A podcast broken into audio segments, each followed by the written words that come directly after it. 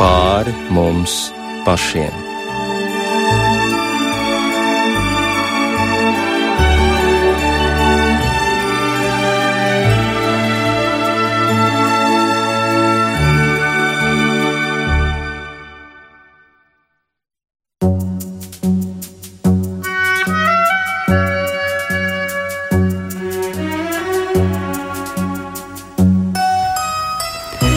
Esiet sveicināti rādījumā pāri mums pašiem, lai ir slavēts Jēzus Kristus. Studijā Inte Zēgnere par skanējumu rūpējas Katrīna Bramberga, bet mūsu raidījuma viesi ir teologs un misionārs no Beļģijas Žozefs Bastēns un priesteris Andris Kravalis, pat no vecrīgas, no Marijas Magdalēnas baznīcas. Labvakar! Labvakar! Labvakar. Un mūsu šī vakara saruna būs par vārdu, par Dieva vārdu, par kuru ir sacīts, ka tas spēj ietekmēt un pat pilnībā pārvērst mūsu dzīvi. Kādā veidā tas var notikt, to mēs mēģināsim noskaidrot, bet vispirms eh, dažus vārdus gribētos dzirdēt par Jozefu, jo Jozefs ir ļoti bieži viesis Latvijā, pat gribētos teikt, pastāvīgs iedzīvotājs jau tagad. Jā, Jāzeps ir jau kopš 1995. Eh, gada saistīts ar Baltijas valstīm. Un uh, praktiski katru gadu ir uh, ne tikai Latvijā, bet arī ir Marijas Magdalēnas draudzē, kur kopš četriem gadiem viņš vada tādu lūkšanas un evanģelizācijas uh, mācekļu grupu.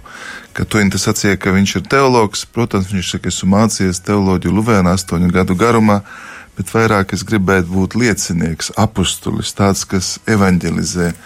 Un tieši tāpēc šovakar viņš ir šeit, jo viņš arī praktiski to dara.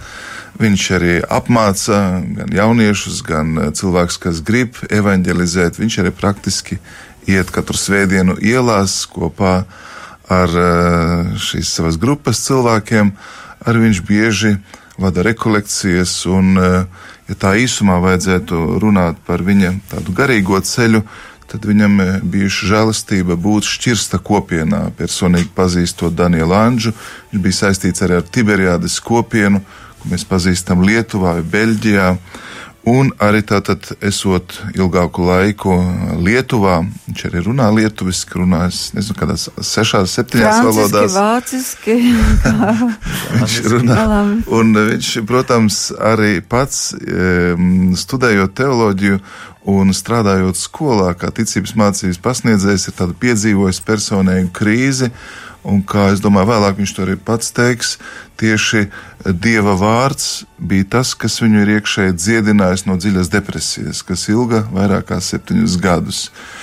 Aizejot klusumā, vientulībā, esot kopā tieši ar šiem Tiberiādas brāļiem, viņš e, uzticējās kungam un tieši esot ciešā kontaktā ar Dievu vārdu, to lasot, pārdomājot, meditējot, Dievs viņu pilnīgi izmaina iekšēji deva spēku un kā savu galveno pirmo uzdevumu viņš arī uzskata Dieva vārda nu, pasludināšanu, evanģelizāciju.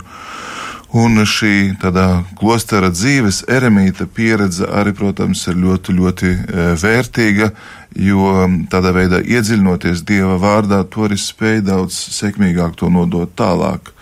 Viņš arī vada daudz e, lekcijas, nodarbības, ir pazīstams šeit ne tikai katoļu eh, konfesijā, bet bieži vien arī mūsu ticības brāli, citas konfesijas viņa aicina pie sevis. Un vienmēr tas ir ļoti, ļoti interesanti. Arī šodien, eh, tieši pēc eh, dievkalpojuma, viņš arī mūs uzrunāja draudzē, un man prieks, ka šī vakarā klausītājiem būs iespēja viņu dzirdēt. Jā, nu lūk, mēs arī tikko dzirdējām, ka tieši Dieva vārds ir tas, kurš Jozefu dziedināja. Tātad Dievs caur savu vārdu.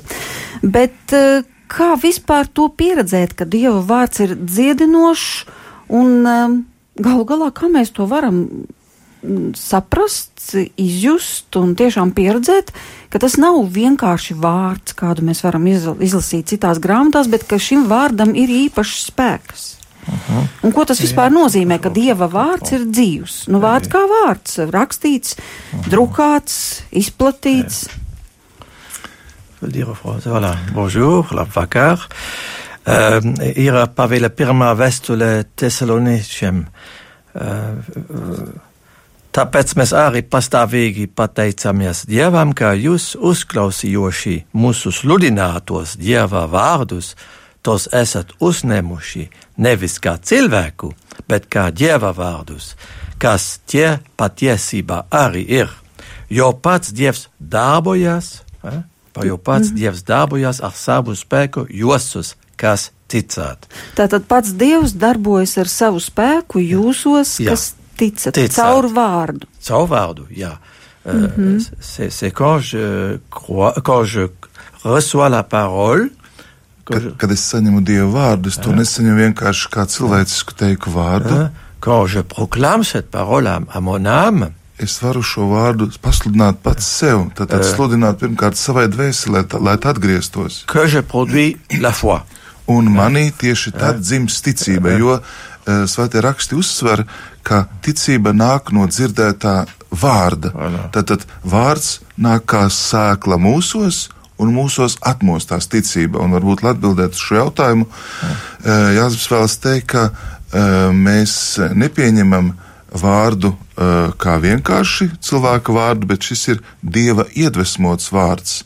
Viņš ir pilns apsolījuma, un mēs viņā neklausāmies kā parastos vārdos, bet lai dieva vārds būtu auglīgs, lai tas īstenot to, ko tas saka, ir nepieciešama ticības dāvana un tad tas kļūst dzīves un arī iedarbīgs. Uh mhm. -huh. Jā, apustulis Pāvils eh, vēstulē ebrejiem ir rakstījis, ka Dieva vārds ir dzīvs, uh mhm. -huh. spēcīgs, asāks uh mhm. -huh. par katru abās pusēs griezīgu zobenu, tas spiežas dziļi iekšā, līdz kamēr pāršķiļ mūsu dvēseli un garu locekļu smadzenes. Uh -huh. Viņš ir doma un prāta un sirds tiesnesis.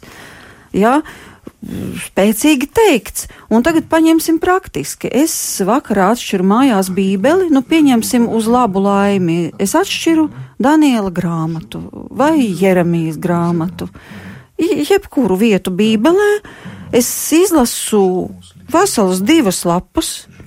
Un es neko no tā nepiedzīvoju. Ne to, ka tas ir dzīvs, ne to, ka tas ir asāks par zobenu, ne to, ka tas mani ir ietekmējis. Tad kāpēc tā? Taču viņam tūlīt būtu jādarbojas. Voilà, la première chose que la, la, il faut bien distinguer entre les écritures, qui, une parole, qui sont des paroles mortes, et la parole vivante. Tad, tad es uzreiz gribētu, lai klausītāji saprot, ka ir svēto rakstu vārdi, ir teikumi, ir notikumi, kurus mēs lasām, un tie var būt, tā kā priekš mums, miris vārds, nedzīvs vārds tie tiešām izlasot, šķiet neko mūsos nedara, bet ir dzīves un iedarbīgs vārds. Un tad, tā būtu e, tāda pirmā e, izpratne par šīm divām kategorijām, divām e, vārda darbības sfērām. Bet runa ir tieši par Bībeles vārdu, par Dieva vārdu.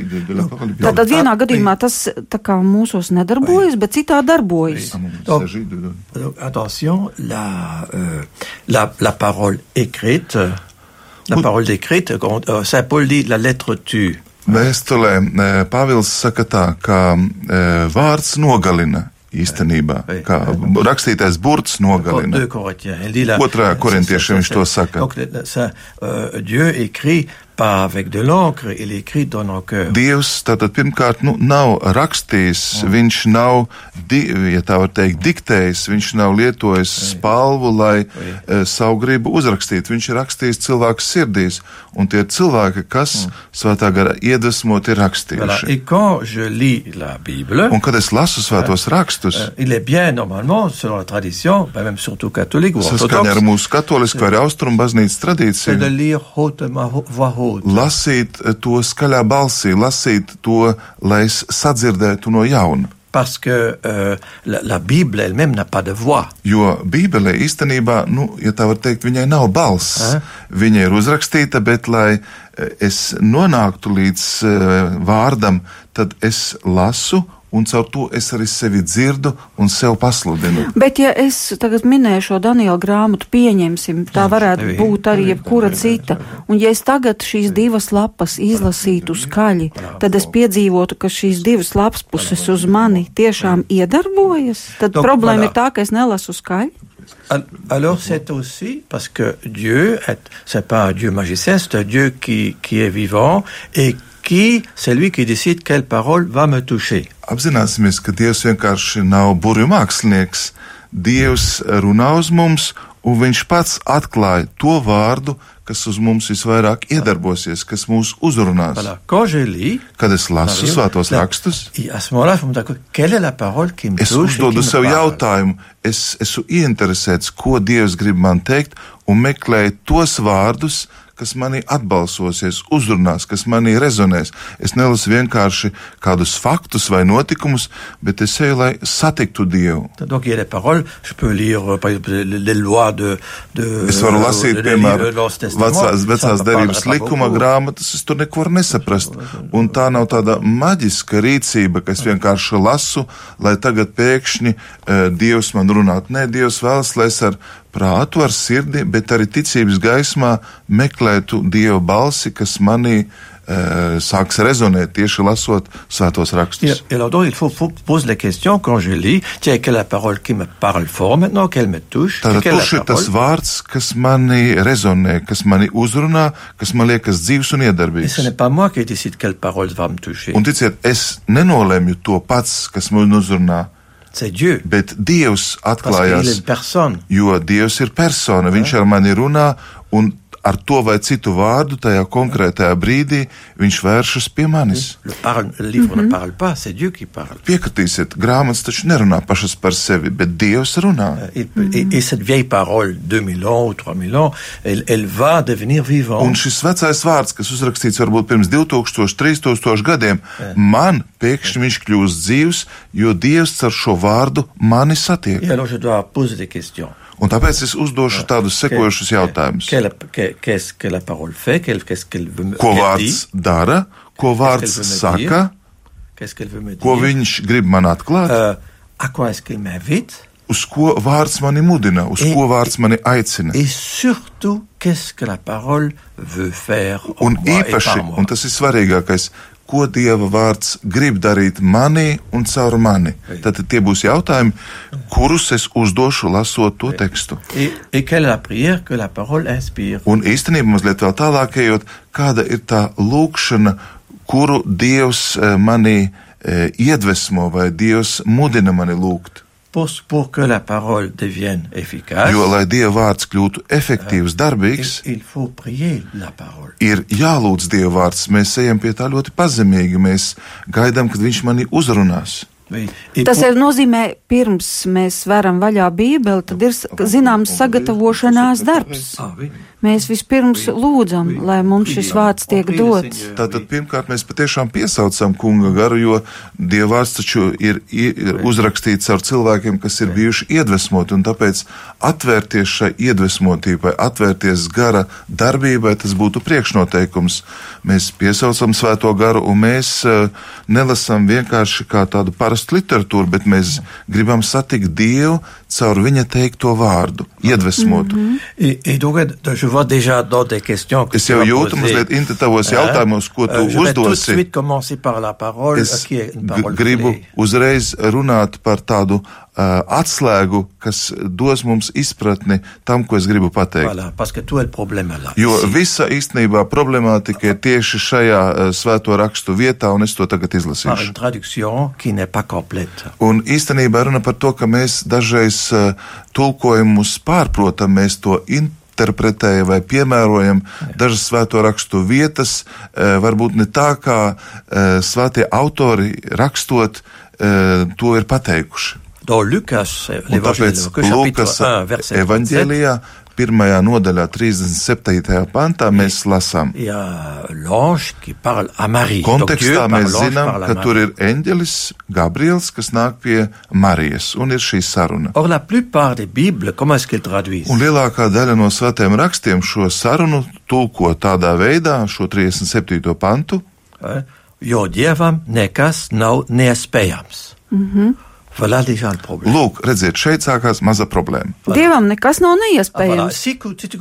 Ja tu sāc domāt tā un teikt, Dievam viss ir iespējams, Dievam nav neiespējama lietu, tavas problēmas sāk sākties. Jo, ja mēs tā izprotam, tad tā ir aplama izpratne. Ir pateikts kaut kas cits. Kāpēc? Jo- Ce- que Dieu peut tout faire. Mēs taču saprotam labi, ka Dievs nevar visu izdarīt. Ne sait rien faire sans nous puisqu'il nous donne la liberté. Viņš neko nevar izdarīt bez mums, ja mēs tam nepiekrītam, ja mēs savu brīvību viņam neatdodam, règle, rien Ja mēs- rien sans homme. neusticamies. Tad, tad ļoti svarīga tāda dzīves regula, prakse. Nekas bez dieva, bet arī nekas bez cilvēka. Dievs nevēlas kaut ko darīt, ja cilvēks nepiekrīt, ja cilvēks to neļauj. Voilà. Viņš respektēs cilvēka brīvību. Un tāpēc atgriezīsimies pie šī teikuma. Pirmā Lūkas traduction. 1,37. Oh, la Mēģināsim saprast, ko tad Dieva vārds pareizi iztulkojot mums saka. Grieķu valodā ir ļoti svarīgs vārds, kas grieķiski skan rema. Rema. Or, rema. Un šis vārds rema īstenībā mums uh, liek saprast divas lietas, divas realitātes, ko mēs apzīmējam ar šo vārdu. Et mélange. Un par nožēlu mēs šīs divas nozīmes jaucam. Tāpēc viņas ir jānošķir un labi jāsaprot. Voilà. Sens, Pirmā nozīme vārdam rema ir vārds. C'est-à-dire, normalement, la première traduction, Īstenībā būtu jātulko tā. aucune parole de Dieu Neviens impossible. dieva vārds nav neiespējams. Donc, tout ce que Dieu dit, il va le faire. Tā tad jāsaprot, ka viss, ko Dievs saka, ko Dievs atklāja, viss tas ir iespējams. Si Ja cilvēks to pieņem savā ticībā. important. Tas ir ļoti svarīgi. deuxième Bet otrs eh, tulkojums, jeb nozīme šim vārdam grieķu valodā rema, c'est chose ou réalité. ir lieta jeb realitāte. Ah, alors, la plupart des Bibles prennent ce mot-là pour traduire. Bet lielākā daļa svēto rakstu tulkotāji ņem tātad lieta. Neviena lieta dievam nav neiespējama. Voilà. Aptuveni tā. Or, or, ça, ça ne va pas. Bet īstenībā tur arī nav pareizi. Or, comment est-ce qu'il faut le comprendre Kā ir jāsaprot šo svēto rakstu vietu tā, lai mēs patiešām gūtu garīgu labumu? Toute parole qui vient de Dieu Visi vārdi, kas nāk no dieva, viņiem ir spēks piepildīties. Un viņi var kļūt rema, tātad vārds kļūst par realitāti mūsos. Tātad vārds devient réalité. kļūst par realitāti rema. Tad, tad redziet, šis vārds tā kā ar, ar divām nozīmēm. Marie, Un- bien Tad ça. mēs saprotam labāk, kāpēc Marija atbild, ko Marija saka uz eņģeļa pasludināšanu, jo Marija dod atbildi. Elle répond. Un viņa atsaucās uz šo rēma, tātad uz šo eņģeļa piedāvājumu. Viņa nesaka, euh, es darīšu visu, ko Dievs tagad man ir pateicis. Tas- Viņa neatbild tā. Donc, ça, c'est typiquement masculin. Bieži vien tā ļoti vīrišķīga vīrieša atbild, es izpildīšu, ko tu man pavēli, es paklausīšu, es tulīt to darīšu. Ar to nepietiek. Parce qu'il y a, c'est vrai que Jésus, à un moment donné, il dit que euh, celui qui écoute la parole, euh, c'est quelqu'un comme quelqu'un qui, qui, qui, qui le pratique. Protams, Jēzus arī saka, ka kāds, kas klausa manu vārdu, to arī e, pielieto. Viņš arī paklausa tam vārdam, ko viņš dzird. Protams, jā. Mais, mais ça, ne, ça ne suffit pas le pratiquer. Ar to nav pietiekami, ka mēs tikai praktizējam. Parce que Dieu, comme nous avons lu en Thessaloniciens, Dieu lui-même veut travailler. Jo, kā mēs lasījām vēstulē tesalontiešiem, Dievs caur Pāvilu saka, bet Dievs pats grib darboties. Viņš negrib tikai mūs sūtīt, bet viņš grib parādīt savu spēku. Et c'est pour ça que Marie dit, Un tāpēc Marija mums saka, lai notiek ir mani pēc tava vārdā. tad, tad, lai tas viss īstenojas saskaņa ar tavu vārdu. Kā tavs vārds to saka, viņa šeit nepaļaujas tik daudz uz saviem spēkiem, ka pieņems, darīs, bet viņa saka, kā tavs vārds ienākot manī, to izsaka un kļūst par realitāti, tā tad es vairāk netik daudz darīšu, bet es pieņemu, ko tavs vārds darīs manī. Tavs vārds manī kļūst par realitāti. Tā ir ļoti pasīva darbība. Et on voit ça très bien quand Marie va chez Élisabeth. Un mēs arī to ļoti labi redzam, kad Marija dodas pie Elizabetes. Quand Marie suffit, parce qu'elle porte déjà Marija jau nes dzīvo Dieva vārdu. Tas ir pats Jēzus, kas ir viņā. devenu chair Jo vārds ir kļuvis miesa viņā. Un tas nav tikai vienkāršs vārds, ko viņa nes. hein, ça c'est le travail de Dieu. Ça. Tas ir Dieva darbs. Viņš taču ir ienācis Marijā. Saint qui fait que la parole devient réelle. Un svētais svētais gars ir tas, kas īsteno, ka vārds mūsos kļūst par realitāti. Tas ir svētā gara darbs mūsos, pārveidot Dieva vārdu un darīt to klātesošu mūsos. Es došu piemēru, tā kā priesteris eh, saka Euharistijas svētās misijas laikā, eh, tā ir mana miesa, tās ir manas asinis, tieši caur šo vārdu šis vārds rema. īsteno to, ko Jēzus ir sacījis, un priesteris atkārtot šos vārdus, tātad īsteno, patiesībā ne priesteris, bet svētais gars savu šiem vārdiem, īsteno to, ka maize un vīns kļūst par miesu un asinīm. Un kad Marija runā ar Elizabeti satiekoties, ko viņa saka? Ko Elizabete saka? Redzi, tikko tava sveicināšanas balss atskā ne, neja manas ausis, tad bērniņš manas miesas liksmi sāka lēkt. Voilà déjà l'effet de la voix, parole-voix de Marie sur, les, sur le petit Jean-Baptiste. Marija runā un sasveicinoties, tūlīt Elizabete jūt, ka caur šo pateikto vārdu viņas bērniņš, kas vēl ir viņas miesās, Jānis Kristītājs, priekā sāk kustēties, lēkāt. Viņš sajūt, kā vārds iedarbojās uz viņu. Donc c'est déjà le prophète, la première action de, du prophète Jean-Baptiste, la première fois qu'il agit, c'est parce qu'il entend la parole de Dieu par Marie. Ko Jānis Kristītājs, tad lielais pravietis dara, viņš jau darbojas mātes miesās, jo ir dzirdējis vārdu, kas viņu skar, kas viņu uzrunā, un tāpēc viņš tādā veidā uz to reaģē. Et alors la réaction de Elisabeth, un ko tad Elizabete saka? Un tas apstiprina to, ko mēs sacījām. Labitei, kas ir ticējusi, kas tas, kā tas, ko Dievs viņai licicācit, pildiesies piepildīsies. Voilà, Rema est accompli. Tātad svētīga tā, kas jā.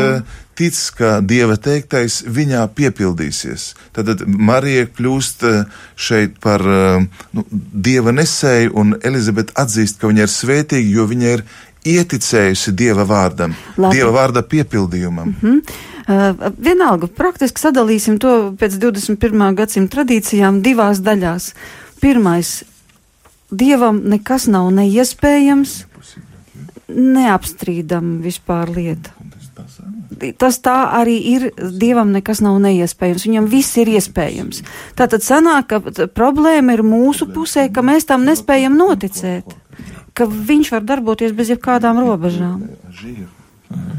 Viņš tiešām var darboties un vēlas darboties, bet viņš tomēr respektē cilvēka brīvību un viņš gaida apzinātu cilvēku atbildi. Jo mēs redzam, ka cilvēks, kas var pateikt nē, kas var pretoties Dieva vārdam, vai arī vienkārši, nu, kā iesākumā tu sacīji, mēs izlasām vienkārši bez īpašas intereses, sagatavotības, mēs tā kā veram svēto rakstu grāmatu, un gribam teikt, nu, Dievs, tad saki man kaut ko un runā, bet īstenībā mēs tā kā uz aklo kaut kur šaujam un sakam, nu, varbūt kaut kur trāpīsim, varbūt kaut kas atbalsosies mūsos. Un šī attieksme nav pilnīgi tā um, dievbijīga un reliģiozi pareiza, jo mēs izaicinām Dievu.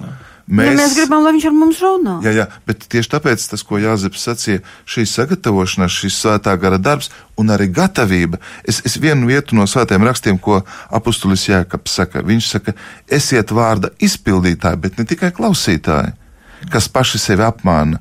Jo, ja kāds ir vārda klausītājs, bet nav pildītājs, tas līdzīgs vīram, kas raugās uz uh, saviem sējas vaipstiem spogulī sevi aplūkoja, tas aiziet un aizmirst, kāds bija. Bet tas, kas uzmanīgi ieskatās pilnības likumā, brīvības likumā un paliek tajā, tas nav palicis aizmāršīgs klausītājs, bet ir darba darītājs. Tas, to veicot, saņem svētību. Tad, redziet, tā ir pilnīgi cita attieksme. Es arī vēlos savu dzīvi pakārtot. Ja es saprotu, es vēlos pieņemt, saprast Dieva vārdu. Jo jāsaprot, ka arī lasot Dieva vārdu, ir dažādas grāmatas ir dažādi laika posmi. Svēto rakstu grāmata drīzāk ir grāmatu biblioteka ar dažādiem autoriem, dažādās situācijās. Un jau mēs redzam starpību starp pirmo derību, mēs to saucam par veco derību un jauno derību. Un mums jāsaprot, ka evaņģēlīja ir jaunās derības sirds. Un šī sirds ir Jēzus Kristus persona. Un tieši iepazīstot Jēzus Kristus personu, mēs sākam pareizi saprast līdzības, sākam pareizi saprast uh, Dieva atklāto gudrību, sākam varbūt saprast gan gudrības literatūru, sakām vārdus, psalmus, tāpēc, uh, manuprāt, ir ļoti būtiski uh, meklēt Kristu Dieva vārdā, meklēt viņa klātbūtni. Ja? Un tad ar Kristus pazīšanu, svētā gara spēkā, mēs daudz labāk arī atbildam, īstenojam, saprotam, ko Dievs ir vēlējies mums teikt. Jā, nu tad tomēr pievērsīsimies atkal tai praktiskajai pusē, kā mums piedzīvot tos brīnumus, ko Dievs savā vārdā ir apsolījis, tās svētības, ko viņš tik bagātīgi ir solījis saviem radītajiem cilvēkiem un nepalaist šīs svētības garām. Un ir teikts um, praviešu iesaist grāmatā, ka tā kā lietus un sniegs nāk no debesīm un tur neatgriežas, pirms tas nav veldzējis zemi un to apaugļojis un tērpis zaļumā, uh, Tāpat arī tas ir ar Dieva vārdu, kas iziet no viņa mutes, ka tas neatgriezīsies pie Dieva tukšā, bet tas izdarīs to, ko Dievs vēlas, jo tam ir jāizpilda savus uzdevumus, kādēļ Dievs šo vārdu ir sūtījis. Nu, tātad Dievs mums caur svētajiem rakstiem sūta savu vārdu un apsola, ka notiks tas, kas tajā vārdā ir rakstīts. Un, ja tas būtu tik vienkārši, tad es šovakar izvēlos vislabāko. Es, piemēram, paņemu ļoti skaistu teikumu no 23. psalma. Dievs ir mans gans, man netrūks nenieka. Un tagad, ja es paņemu šo teikumu, šobrīd trūkst un trūkst, un katru dienu trūkst. Un, nu, es domāju, daudziem cilvēkiem tā ir, ka viņi nezina, kā savilks galus kopā līdz nākošajai algai bet viņš paņem to vārdu un viņš stāv uz tā. Un pirms gulētiešanas viņš atkārto iemigdams: Dievs ir mans gans, man netrūks nenieka, Dievs ir mans gans. Tad tā ir pašsuģestija, tā ir iedvesma, tā drīkst darīt, tā nedrīkst darīt. Vai arī gal galā mēs tādā veidā audzējam sevī ticību, un vienā brīdī tas tiešām notiek. Tāpēc, ka mēs esam šim vārdam pieķērušies, mēs ticam. Oui, oui. Ça, c'est maintenant une, une question piège, là, parce que Īstenībā, va, va tout de suite vers la question la plus difficile. Šī jautājumā ir mazliet tā kā, nu, mazs tā kā lamatas slasts, jo uzreiz tu uh, ej pie paša jā. svarīgākā, pie jā. paša galvenā, ja, jo skaidrs, tu pareizi saki, ka jā. vārdam jāiedarbojas. Jā, parce que si je dirais maintenant au tiers monde, voilà, tous ces gens qui sont pauvres dans le monde, voilà, lisez seulement cette parole-là, la pauvreté, c'est fini. Teikšu tagad tā visiem cilvēkiem pasaulē, nabagiem teikšu, te lūk ir jūsu nelaimes uh, cēlonis, cēlonis un atkārtojot šos vārdus, un Dievs visu jums izmainīs. Varbūt izmainīs arī. Ne, Jāzep saka, ka tas nenotiek tādā veidā. Non, non, parce que ça ne suffit pas.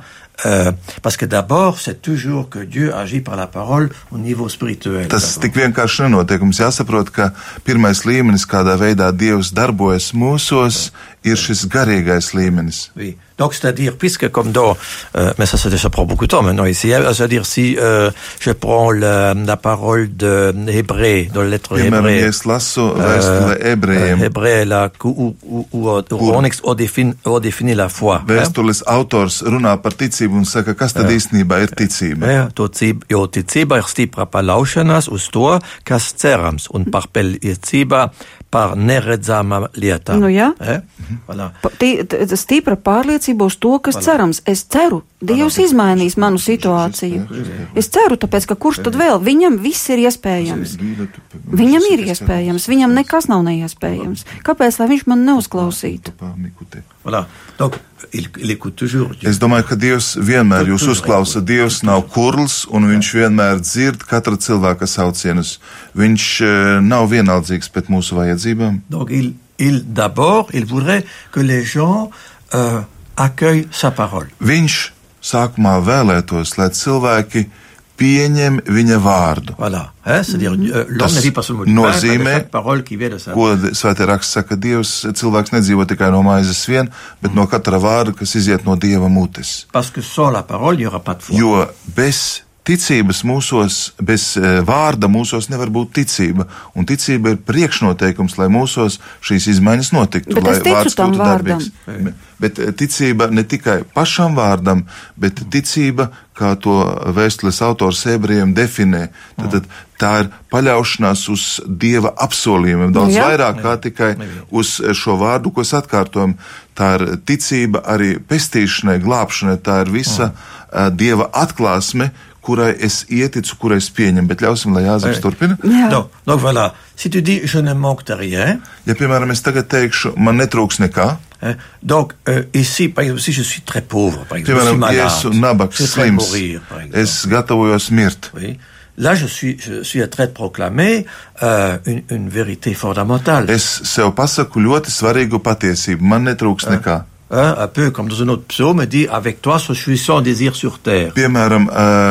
Citā psalmā um, psalmis saka, tu piepildi visas manas ilgas un cerības. Voilà. Donc, parce que dans Dieu, la parole est toujours éternelle, elle n'est pas simplement faite pour ce monde. Dieva vārds ir arī mūžīgs. Viņš oui. nav tikai šim brīdim, viņš oui. ietver visu cilvēci. Donc, donc, si je suis, par exemple, je suis très malade, je Tad, ja esmu slims, uh, et, et j'ai seulement la foi que j'ai, un ja man ir tikai tā ticība, kas man ir, ce que j'ai développé jusqu'à ce moment-là, ko es tajā brīdī tad, ticu šim vārdam. Bet, la première chose que cette parole me donne, je ne me manque rien, c'est la, la paix.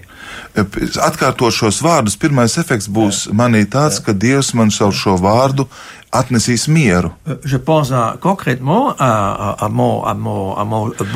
Es personīgi domāju par savu, uh, par savu brālēnu. Uh, uh, 36 ans. Un viņš ir aizgājis mūžībā 36 gadu vecumā.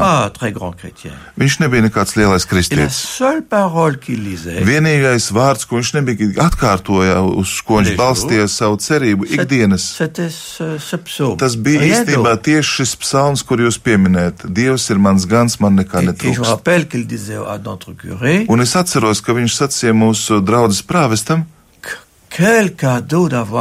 Cik liela dāvana, kad mums ir ticība. Viņš pat raudā no prieka, sakot, man ir ticība. Man ir Et dans ce sens-là, vous dire, moment, il avait vraiment un patiešām šī tādā izpratnē viņš var teikt, ka viņam nekas netrūka. Pat ja Dievs viņu aizsauca projām tik agri, nekas viņam uh, netrūka, un viņš uh, savā dzīvē jūta šo vārdu piepildījumu. Il, il va comprendre cette parole comme Dieu le, le fait jo viņš sapratīs šo vārdu tajā situācijā, kādā viņš atrodas, lai cik tā būtu kritiska un bezcerīga. Oui.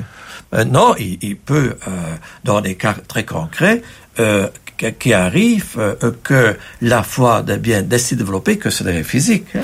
Bet arī atsevišķos gadījumos var būt tā, ka ticība ir tik stipra, ka tā skar uzrunāt cilvēku arī fiziski. Tas nozīmē, ka Dieva vārds var arī dziedināt, var arī pieskarties, var arī darīt un e, izmaiņas cilvēkā, ja mēs tam ticam un paļaujamies. Ja d'un homme qui était déjà âge, très âgé. Ir gadījums, un mēs lasām par cilvēku, kas jau bija gados, krietni gados. C'était en 1920, quelque chose comme ça. Tad, šis notikums bija pagājušā gadsimta sākumā. Uh, Viņam bija vairākās vietās vēzis, ļoti smagi slims, smaga et, situācija. Et un uh, ārsti bija parakstījuši spriedumu, ka tur nekas nav iespējams. Faire, Bet viņš saprata, ka nu, tāpat ir jāmirst, tāpat nav ko darīt, ir jāpieņem situācija. Viņš izdomāja un saprata un atrada, ka visstiprākie vārdi, kas ir svētajos rakstos, ko viņš atkārtoja. No Marka evaņģēlija 11. nodaļas. Verset 23 et 24. 23. 24. pants. Voilà. Un tur ir rakstīts. Jo. Jo patiesi es jums saku, ja, kā šim kalnam sāci celties un mēties jūrā un nešaubies savā sirdī, bet noliks, ka vēl plus important. Tagad, kas ir svarīgākais šajā vietā? Bez tices, ka notiks, ko viņš saka, tad viņam tas notiks. Tad saskaņā ar ticību tas arī tā notiks. Jā, jā. alors il dit plus tard. Un mazliet tālāk, tāpēc es jums saku, tāpēc. visu, ko jūs lūgdami lūgsit, ticiet, kā jūs dabūsit, tad tas jums notiks. Amen. Tev gribās tā teikt, tāpēc, ka tā ir vispār, manuprāt, Bībelē unikāla vieta, šī raksta vieta Marka evaņģēlijā 11. nodaļā, ka tad, kad jūs Dievam ko lūdzat, tad ticiet, ka tas jau jums ir, un tad tas jums notiks. Varbūt jūs varat drusku paskaidrot. Ko viņš saka? Ko tad, viņš saka? Tad, tad ja? šeit uzsvars ir to, ko viņš saka. Tas nozīmē ne tikai, ko Dievs tā var teikt, iesaka mums, bet šeit, ko viņš saka, te runa par viņa vārdu, ko viņš ir pateicis, atklājis. Tad mēs dzīvojam saskaņā ar Dieva atklāto, mums doto, dāvāto Dieva vārdu. Un tas ir ļoti svarīgi, ja mēs to. Un šis cilvēks, par ko es runāju, viņš atkārtoja nepārtraukti to dienas laikā, atkārtoja savai dvēselē, runā to skaļi. Après quelques mois, un pēc dažiem mēnešiem, euh, il dit, Seigneur, si tu viens ici maintenant dans la chambre et tu me dis que je ne crois pas à cette parole-là, viņš sacīja aptuveni tā, tādu pārliecību, kungs, ja tu tagad atnāktu uh, pie manis šeit istabā un tu man teiktu, uh, nu, uh, tu pilnā mērā vēl netici šiem vārdiem. Voilà. Es teiktu, ka tā nav taisnība, jo es tā viņus piesavinājies, es tā darīju viņu par savas dzīves programmu, es tā esmu viņus pieņēmis, ka, ka, ka es tiem ticu. Et dans son cas, lui, un viņa gadījumā šis slimais cilvēks ar trīs audzējiem, ko ārsti bija norakstījuši, viņš tika izdziedināts. Un ārsti to nekad nevar ne tikai saprast, izskaidrot. Viņš arī pats uh, brīnījās par to, kas ar viņu noticis. Bet viņš praktizē šos vārdus, šo apsolījumu ļoti stipri, nepārtraukti. Bet uzmanīgi, Dievs arī ir brīvs, mēs nevaram viņu piespiest. Tā nav metode, kur mēs uh, sevi pārliecinām vai cenšamies pārliecināt Dievu. Dievs ir uh, skolotājs, Dievs ir kungs un valdnieks. Un tāpēc ļoti svarīgs apgalvojums, ja lūkšana tevi nemaina, tad izmaini savu lūkšanas Jā. veidu, jeb veidu, kā tu lūdzies, Jā. un tad tu piedzīvosi Dieva darbību. Tad, tad, tad, tad zinām mērā, lūkšanai ir jāevanģelizē, tā ir mūsu jāmaina. Donc, prie, exemple, guérison, ja mēs, piemēram, ar kādu vai par kādu cilvēku lūdzamies, lai Dievs viņu dziedina.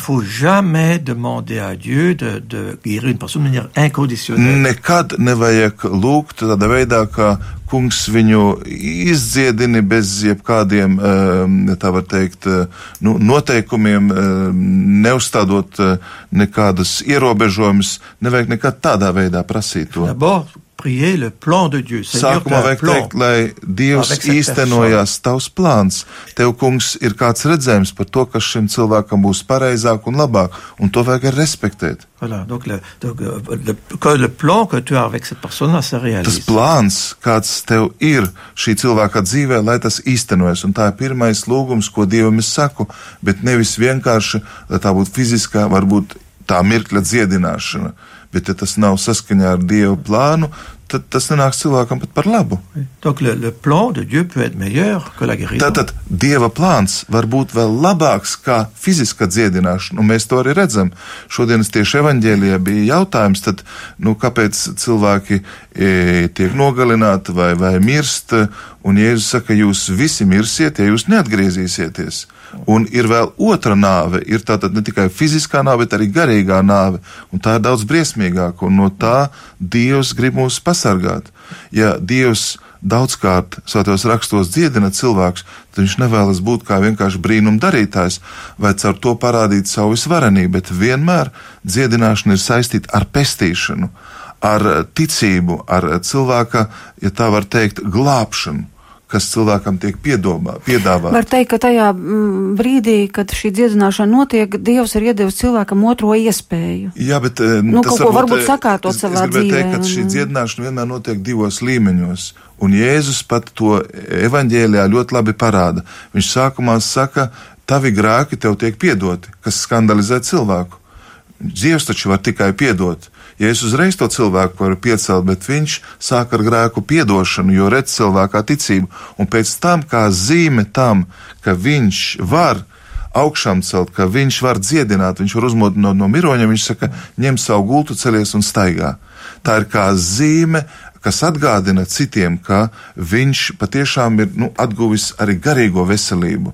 Un tad, tad, protams, Dievs, es domāju, piešķir nemitīgi, un mēs arī pat labāk dzīvojam ar šo otro iespēju. Nenoliedzami. Dievs vienmēr ir pacietīgs, lēnprātīgs un īpaši gavēņa laikā tātad Dieva vārds to nemitīgi atgādina, lai mēs izmantojam labi mums doto piešķirto laiku.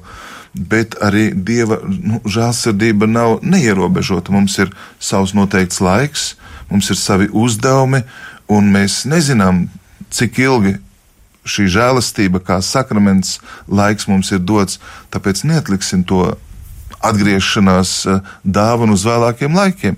Tagad ņemsim, ieticēsim, paklausīsim Dieva vārdam, un mēs piedzīvosim, kā Dieva vārds nes mūsos augļus. Bet tur arī ļoti bieži evaņģēlijos ir teikts, Jēzus saka, lai tev notiek pēc tavas ticības. Un citreiz viņš nemaz nav uh, domājis dziedināt to cilvēku. Tur, teiksim, tur vienas sievietes gadījumā, kad viņa lūdza par savu meitu, bet viņa tikmēr, varētu teikt, diedelēja un teica un teica un teica, kamēr viņš viņai pateica, tava ticība tev ir palīdzējusi, vai tava ticība, un viņš ļoti uzsver tieši to, tava ticība, un tad man liekas, Bet varbūt mēs vienkārši neesam drosmīgi savā ticībā. Mēs, nu, mēs esam kūtri. Mums liekas, oi, nu, ja nu mazumiņu varētu iz, izlūgt, tad jau būtu labi, ka mēs nevēršamies patiesībā pie Dieva kā pie visu varana, kas visu var. Mēs ierobežojam Dieva darbību, tāpēc, ka mums šķiet, nu, ja jau kaut kādu mazu brīnumiņu rītdienai, tad jau labi būs. Mēs pārprotam to pazemību kā Dieva bērni, tā nav? Je dirais euh, ceci d'abord. Quand Dieu demande quelque chose, es teikšu tā, kad Dievs kaut ko no mums lūdz, il donne. Viņš vienmēr to mums jau dod. Lui-même. Viņš pats Donc, mums to piešķir. demande, Tad visu, ko Dievs no mums lūdz, On n'a même pas plus, plus, plus besoin de lui demander donne-le puisqu'il donne mums déjà. pat nav jāprasa, kungs, dod to man, jo vēršoties pie viņa, viņš jau mums dod. Mon travail, c'est de l'accueillir. Jo mans īstenībā darbs ir to pieņemt. Et, et comment l'accueillir Un kādā veidā pieņemt šo dieva gribu. Un tieši tas, ko jūs jautājat, mēs nezinām, kā tad dieva gribu pieņemt, kā to varam īstenot, kas ir Par nepieciešams. exemple, si Dieu demande eh, euh, pardonne ton ennemi, Piemēram, Dievs tev saka, piedod tavam ce ienaidniekam, qui est impossible. kas cilvēciski šķiet pilnīgi neiespējami. Ça, il, il doit reconnaître, Seigneur, je ne sais pas Un cilvēkam ir jāatzīst, ka es ar saviem spēkiem to nespēšu. Et, et Dieu dit, je le sais. Un Dievs teiks, jā, es to zinu, tu tas esi. mais puisque je te le demande, Bet tā kā es tev to lūdzu, lai tu to dari, tev ir žēlastība, tu to spēj. Tātad tev ir tikai jāpieņem mana žēlastība, jānotic, un īstenībā tā nu, ieticēšana notiek caur Dieva vārdu, ko comment, Dievs dod. Un tad kā mums to pieņemt, ir veids, kā mēs to darām. Tātad pasludināt sev šo Dieva doto man teikto vārdu. À ton âme blessée. Savai ievainotai dvēselē. Ne pas. Jo tava ievainotā dvēsele uzreiz neietic, viņai ir jāpārliecina. Blessé très difficile à accueillir. viņa ir kā ievainots bērns, mazliet aizvainots bērns. Viņam ir nu, jāietic, viņam ir jāuzticās vārda spēkam.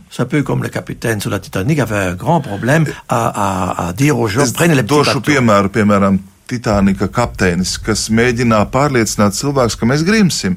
Ņemiet eh, laivas glābšanas, dodieties uh, jūrā un nepalieciet uz kuģa, bet cilvēki neticēja, ka tas var notikt. Un līdzīgi arī mums ir jāpārliecina, ka Dievam tas ir iespējams, jo Viņš jau man piešķīra žēlastību. Donc si je le, le répète Tātad, moi, ja es to sev saku un pēc tam arī dziļi atkārtoju, mon, mon cœur déjà et mon aussi. mans gars un mana sirds, kas jau tic, Mais mes sentiments, pas encore. bet manas eh, maņas, ja tā var teikt, tam Il a besoin d'ent- l'entendre plusieurs fois, ce que le cœur a déjà entendu. Ja tā var teikt, viņām ir vairāk kārt jāatdzird tas, ko sirds jau ir sadzirdējusi. Man ir jāevanģelizē. Juste qu'il faut le faire aussi longtemps, juste que le, prennent. Que je Un līdz tam brīdim, kad es sāku patiešām sajust un pieņemt to patiesību, ka tā man ir pilnā mērā caurstrāvo, kad es to pieņemu. Tête. Un, ja tā var teikt, lai Dieva vārds manī no galvas nonāk līdz sirdī. Et quand la parole res- a- arrive au cœur, Un kad Dieva vārds ienāk sirdī, Īstenībā euh, notiek tas, 14, ko Jāņa evaņģēlijā que 14. nodaļā. 22. pantā mēs lasām, kas mani mīl, tas mana vārdus turēs, un mēs nāksim pie viņa un ņemsim pie viņa mājas vietu. Donc, Dieu habite là où est la parole. Tātad, kur Dievs mājo? Dievs mājo tur, kur ir viņa vārds. Voilà. Tātad, tā ir Jēzus Eh. adrese, tur Eh. Jēzus dzīvo. Là. Ziniet, divi mācekļi, Jāņem Evanģēļa jautā, kur Jēzu tu dzīvo. Tad Jēzus dzīvo tieši tur, kur ir viņa vārds. Aussi, si veux, savoir Jo īstenībā, ja es gribētu tā pārliecināties, vai es patiešām mīlu Jēzu, Eh, Kas mani mīl, tas manus vārdus tad turēs. mīlestība būs tieši šo Jēzus vārdu paturēšana un īstenošana. Ce moment-là, Un tajā brīdī, euh, si on, euh, jā, jūs paliekat mani un mani vārdi paliek jūsos, jūs varēsiet lūgt, ko gribat, tas jums notiks. Voilà la, la règle. tad, tad šis ir ļoti, ļoti svarīgs princips, kas parāda tiešām šo Dieva vārda spēku un iedarbību. Mais, euh, il, faut que la parole soit tellement en moi Tātad Dieva vārdam ir jānonāk tik dziļi, tam jāpārņem tik spēcīga mana būtība, qu'elle devienne ma ka tā kļūst par realitāti. Tā tā rema, par ko mēs runājam, ka tā kļūst uh, realitāte, kas iemieso Dieva vārdu manī. Mhm, tagad man viens praktisks jautājums ir. Um, tātad viens veids ir, ka mēs pirms sveram vaļā Bībeli, vispirms lūdzam Dievu, lai Viņš mums atklāja, ko Viņš grib mums teikt. Labi, mēs atveram, mēs lasam, un tiešām Dievs mums pasaka, nu, piemēram, viens teikums - mīli savu, mīliet savus ienaidniekus. Tad mēs saprotam, ka mēs to nespējam, bet mēs gribam piedot kādam pārdarītājam. Un tad notiek tas, ko jūs teicāt. Dievs tā tad ir norādījis to vārdu, kas mums ir jāīsteno. Bet vai var darīt otrādāk? Tas ir tieši tā, kā es prasīju, ka es pati izvēlos vārdu. Piemēram, Dievs ir mans gans, man nekā netrūkst. Vai arī tiešām labums un žēlastība mani pavadīs visu manu mūžu, arī 23. psalms, un es atkārtoju šo vārdu katru dienu, katru dienu, viņš ieiet manā sirdī, un tad taču Dievs viņu var īstenot, un, un es nelūdzu neko sliktu.